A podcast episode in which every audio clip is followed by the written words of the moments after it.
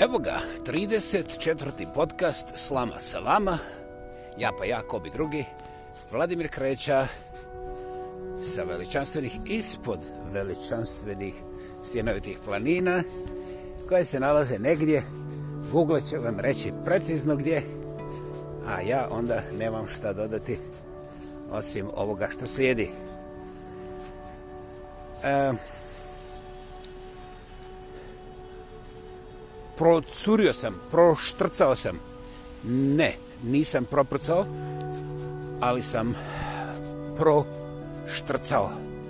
Naime, na svakom koraku. Ne, ne, ne, ne, to vrlo dobro znate. Ne treba pitati, ali svaki pero, svaki džuro, nemojte pitati o detaljima, koje pero, koje džuro i tako dalje.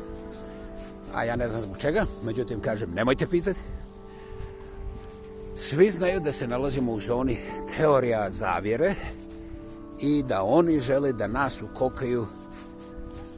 Pa, sad receptura je dugačka, ali najpopularnije je virusi, vakcine i ovaj te druge spline, sline, šta je znam šta već, nije važno.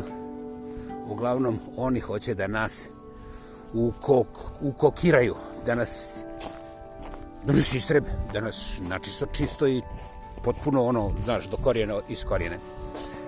Ovaj, I to je postalo ne više moda, nego, znaš, možda svi ljudi ne dišu baš 24 sata na dan, ali ovo sa ovim mojim procurivanjem, proštrcavanjem, ne proprcavanjem, ukazuje vam vrlo jasno da je situacija već čisto psihijatriska, jer ovoga, ljudi ponekad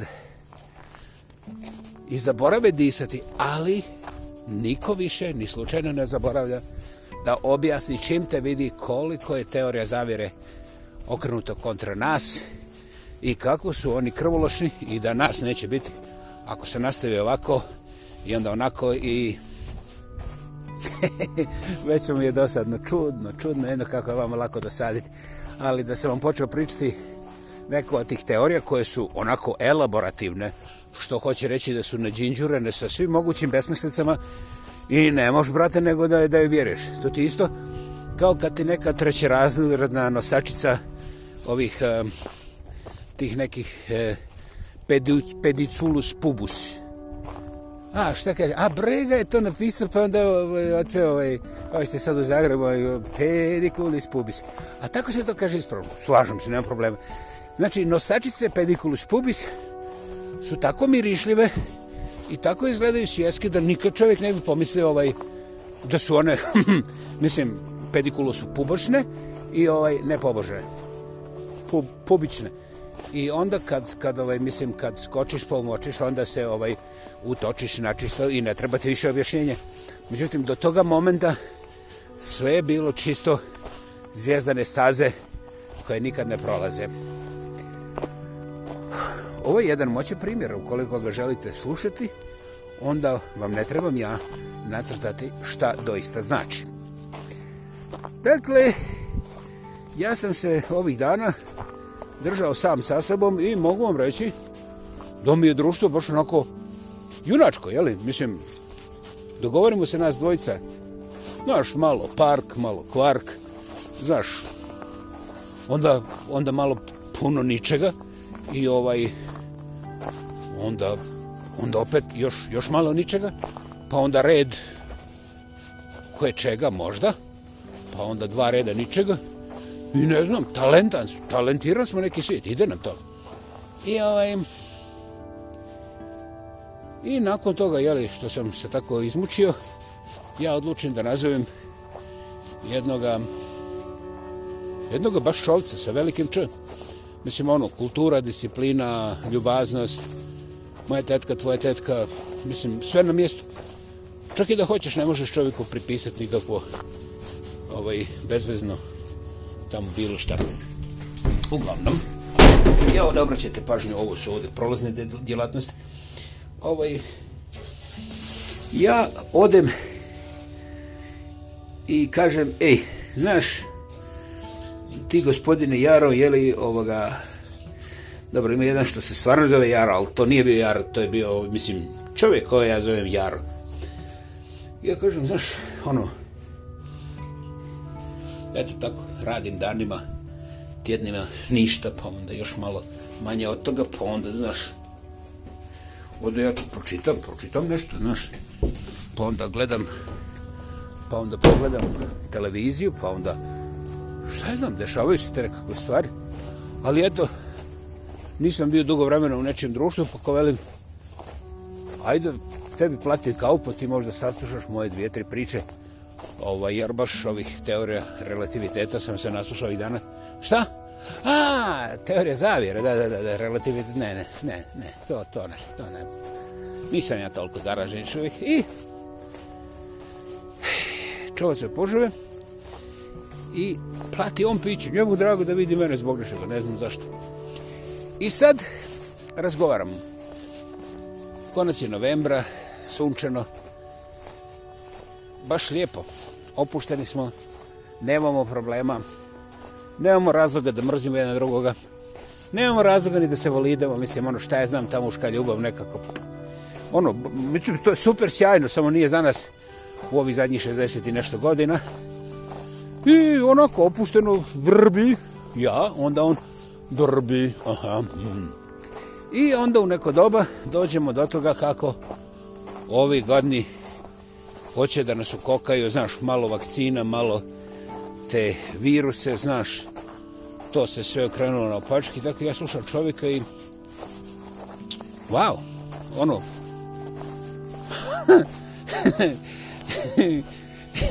došao sam, došao sam odakle sam pobjegao i onda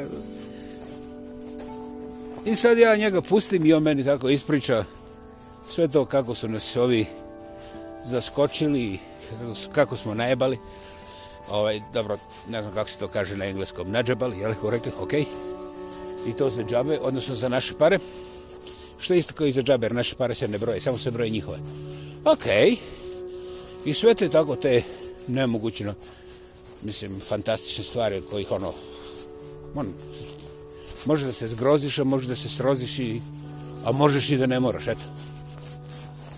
I kaže o meni, safatalo se svi sa svih strana i oni jednostavno ne žele da bude 7 milijardi stanovništa, oni žele 500 miliona. I ovaj... Niste se umorili, niste. Pa dobro, to, to je trik, ja sam njega zamolio, je li ovaj... Jel ti znaš koliko ljudi umro u Kalgariju, Krabogradu, mome dragome? on mene gleda šta je, znaš, ono prečuje. I sad nakon 2, 3, 4, 5, 6 ponavljanja istog pitanja, kaže, šta je tebe, mislim, ne govorim o mrtvim ljudima. Pa kaže, ja, vidiš, ja sam pomiren.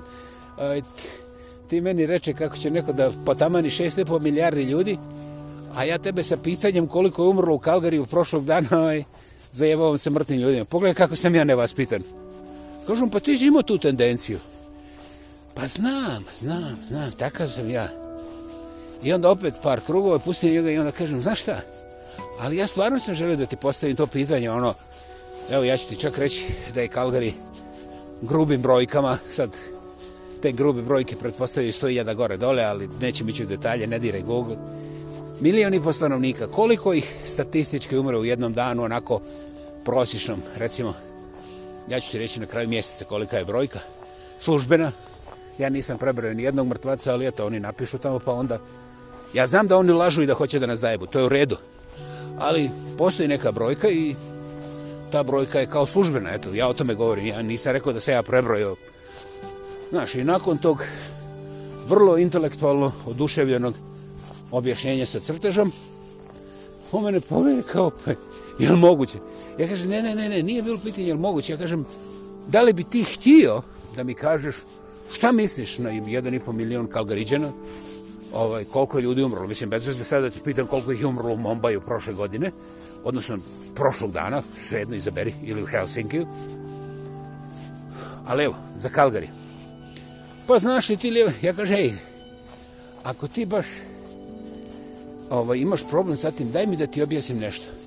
Ovdje država svakome ko gekne da 2500 dolara iz ove zajedničke kase, znači iz komunalne kase provincijske da bi se taj leš koliko toliko dostojno mogao ukloniti, odnosno da bi da ne bi ostao na ulici, jer postoje razno razne situacije kada su ti leševi ostavljeni i ne mogu svi na univerzitete ili na zamijenu organa i treba ih ukloniti. Onda država je već, evo, sedmu godinu za redom, sad će uskoro povećati to, za svakog mrtvog dala 2500 dolara. Samo da ti kažem, jedan mlađi brašni par, tako 40 godina, oni su uspjeli da se licenciraju za ovaj pogrebnički, pogrebničku kompaniju i oni su već postali net milioneri. To znači da bez dugova su teži od milion dolara u tom kratkom periodu. Što ti hoćeš reći? Ej, polako, prije tih policijskih napada. Ja samo kažem da je to prvi put u životu da sam vidio, nekoga je čuo da je ovaj otvorio pogrebničku kompaniju i da su jednostavno bez ikakvih problema postali milioneri u onom kako bi čovjek rekao, dok ne trepneš. I sad to kaj se interesirao, kažem, uzmi, ali kada odeš pa proveriš koliko košta prosječan pogreb u provinciji Alberti, znači na nivou naše države, onda ćeš vidjeti da ovi 2500 dolara u stvari nisu ni 30% od stvarnog troška pogreba. Mi govorimo izravno troškovima pogreba, mi ne govorimo putovanje strini u Donji Petkovac um, i sad okretanje janjaca za 40 dana i šta je znam sve te nekakve umno naučne detalje. No, no, no. Mi samo govorimo o onom danu pogreba i onim troškovima koji su izravno povezani sa uh, pogrebom, ni sa čim drugim. E, to ga je već zainteresiralo i kaže on, pa dobro, koliko njih tu kao gehne preko noći. Ja kažem, pa eto, ja isto nisam znao dok se nisam pozabavio sa čitanjem. Nažalost, ja sam morao nekoga da sahranim. Inače, prije toga nisam pomišljao da o tom razgovaram, interesantno. Pomisli koliko puta si ti, to je posebna e, problematika, a sad mi reci šta misliš koliko ljudi regularno u normalnim okolnostima, znači kad nema velikih nesreća, potresa, pandemija, koliko znači u nekim regularnim normalnim uvjetima umre dnevno na jedinicu stanovništva, znači grad od 1,5 miliona stanovnika. I sad su počele priče, ja ne bih želio da kažem koliko je on grubo pogrešio, i ja sam negde tu tako grubo grešio. Uglavnom, normalno, nisam znao nija, nije znao i on i sad ja njemu kažem, eto ga, brojka se zaustavlja negdje na oko 40, tendira da bude malo iznad toga, ali 40 u jednom danu, ako nema ratova, nesreća, poplova, požara, pandemije i šta je znam. Znači, 40 ljudi je danas u 24 sata u Kravogradu otišao na onu stranu svijetu. I on kaže, pošto pa si ti? Pa rekao sam ti malo čas koliko je to novca i da to nije baš smiješano. Ovo znači neki ljudi koje mi inače također ne vidimo prave odličan biznis i ako bih htio da se ubaciš u te vode,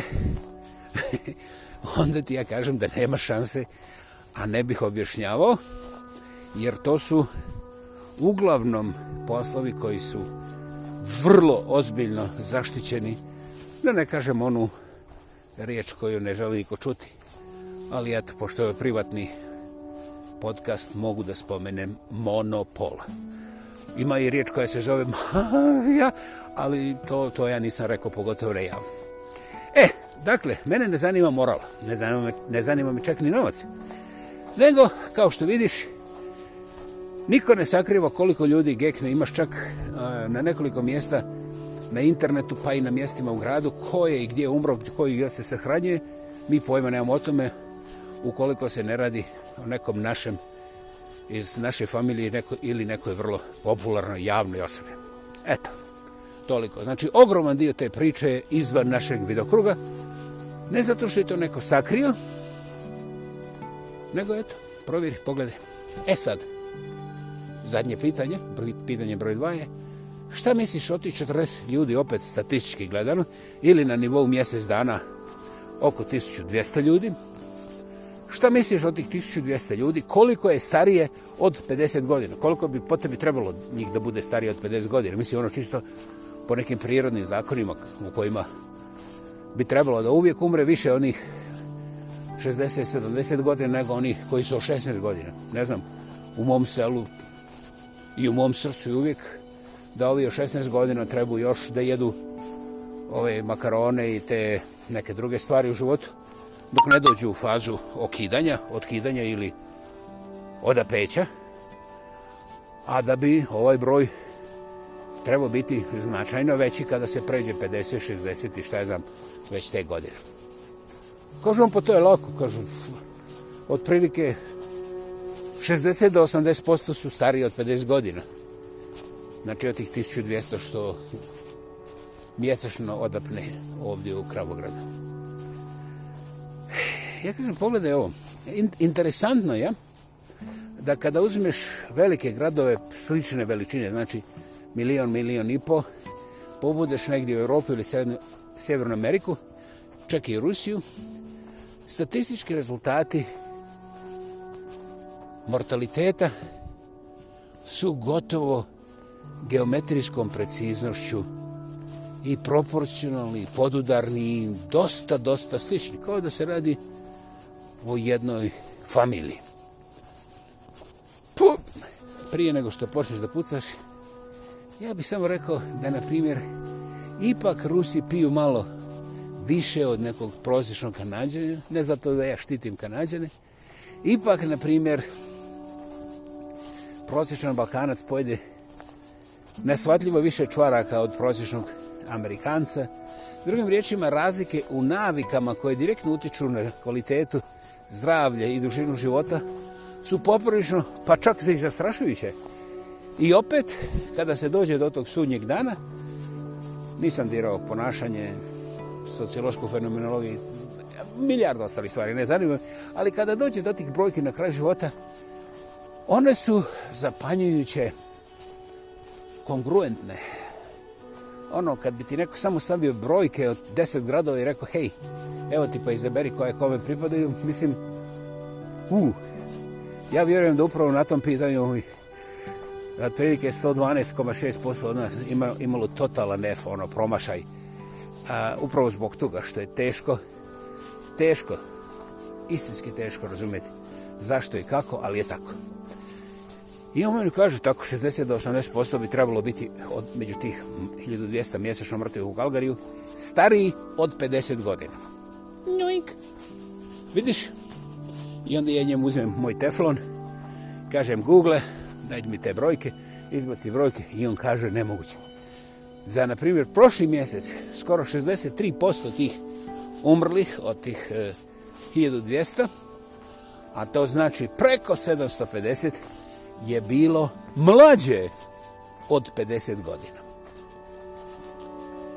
Interesantno je da penzije nisu za tih 40% što neće nikad tražiti penziju porasle nikome, niti da iko to, taj dio novca u penzijskom fondu, ja izdajam samo jedan aspekt mogućeg značenja ili tumačenja ovoga, da će ga povisti ili da će taj novac uticati na porast penzije ovima što su preživjeli, što će doživjeti preko 50 godina. Dakle, o, zanimljivije pitanje. U zadnjih 50 godina ja nisam nigdje vidio da ovaj nesrazmjer u penziji, jer svi kažu svi će jednom doživjeti 80 godina, pa će svako nekim statističkim metodama živjeti minimum 17 do 20 godina u penziji i tako se dimenzioniraju novčana primanja penzionera i onda pošto je statistički broj penzionera dodat na ove budžetske proračune stvarni penzioneri znači oni koji stvarno dobiju penziju se računaju kao i statistički znači oni koji ne postoje a razlika novca ostaje u nekim fondovima koji onda uglavnom isparavaju i niko javno ne postavlja pitanje oko njih I kaže on meni, pa šta si ti sad htio reći? Pa, ništa, ništa. Evo, mislim, ovo su sad činjenice koje su jednostavne, koje nisu komplicirane, koje nisu lijeva politika, desna politika, ni centralna, nego jednostavno činjenice.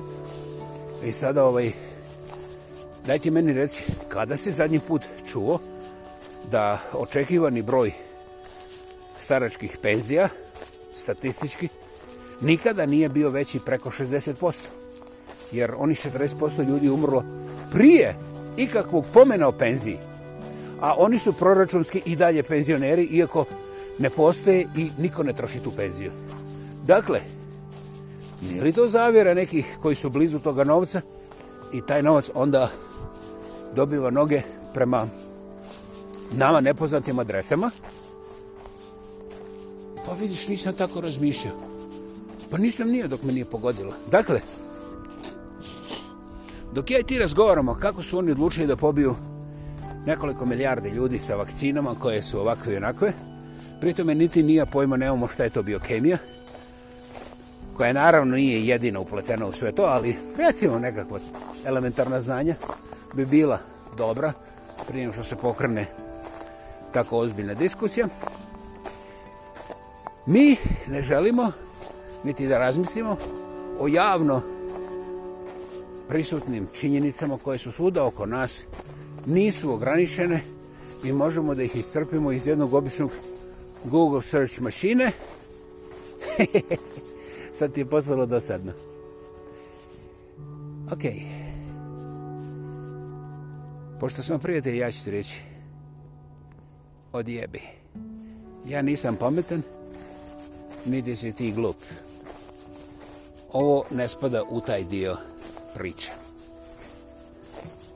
Ja sam upalio svjetlo u jednom od čaškova jednoga dosadnoga poprilično neurotičnog svijeta koji smatra kad ima žicu u guzicu da odmah može da upali dugačka svjetla i da vidi sve po volji kad god mu se što bi rekla moja mama prakne. Tehnologija je jedan od elemenata neshvatljivo kompleksne stvarnosti koja samo po sebi hm, možda čak i nije stvarnost nego recimo samo percepcija.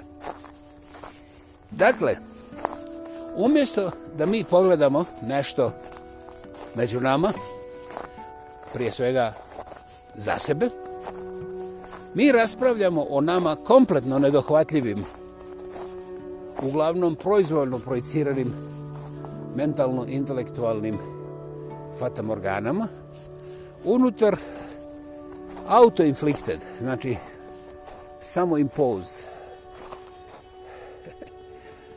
samoubojstva zdravog razuma, gdje mi u stvari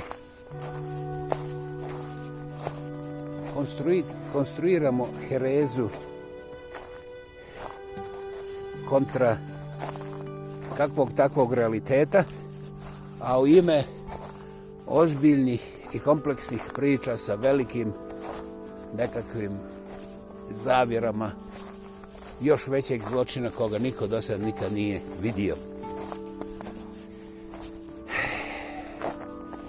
Ajde pogodim da ti nemaš psihija... Op! Ja ni... znam, ti nisi lud, lud sam ja jer ja idem ko psihijatra i meni je drago što sam ja lud i što idem ko psihijatra jer veći dio života kad bi mi neko spomenuo psihijatra, ja bi se upravo tako porašao. Nisam ponosan zbog toga, drago mi je što bi nisu postavili Nobelovu nagradu po tim aktivnostima i zatuzanostima, iako sam bio uporan. Ovaj, da li ima mjesta za pitanje šta mi radimo sebi? Da li je moguće da jedan dan, jedno popodne odvojimo i budemo glupi, znači bez tih velikih epohalnih tema, bez tih velikih epohalnih otkrića i bez tih teorija. Ne zato što one ne postoje, ne do Bog, neće oko toga. Nego, da li je moguće da smo zaboravili kako su naši stari imali post više puta tjedno, svaki tjedan.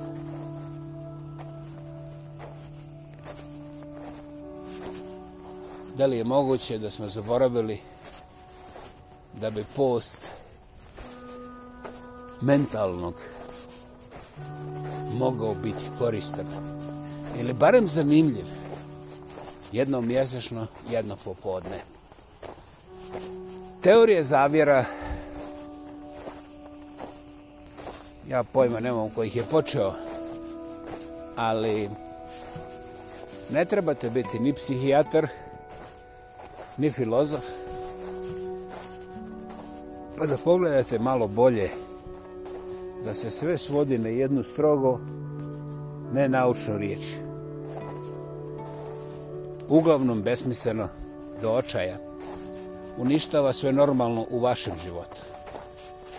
Niko drugi nije pogođen i vi koji te teorije širite gledate ravno u lice nekih ljudi oko sebe da bi od njihovog straha ili panike ili bilo čega razvili novu podteoriju i objasnili briljantnost svoga primjećivanja u nečemu što je na samom početku bilo kompletno fiktivno. Ovdje možete koristiti riječnik, ali nakon što ja odem iz sobe. Dakle, gospodom, bolesti koje sami sebi ugradite su bolesti koje su najdublje zasađene i koje se najteže liječe i za koje vam ni Bog ne može pomoći jer ste sami sebi odmogli. Teorije zavjere je garantirano šta god bilo, ali je garantirano dobar znak da ste zaboravili na post gluposti u svom vlastitom životu i ako samo jedno popodne posvetite praznini bez ili sa ništa nije krivo, ništa nije ispravno eto niti širite, niti primate, niti razmišljate o bilo kakvoj teoriji koliko god ona bila istinita, pametna, mudra neoboriva i tome slično jednostavno nemamo. Ja se nadam da mogu barem jednog od vas inspirirati da napravi mentalni post od jedne teorije zavire jedno popodne. To je fantastičan uspjeh. Vjerovali ili ne? Slama se vama. Ja pa ja, kao bi drugi, svim srcem i dušom, Hvala vam što ste slušali. Ali vam najviše hvala ako ste nešto čuli, jer nije parola. Velika moć je istinski u vašim rukama. Vaša odluka je kvalitet života koji ćete živjeti sutra. Hvala. Hvala.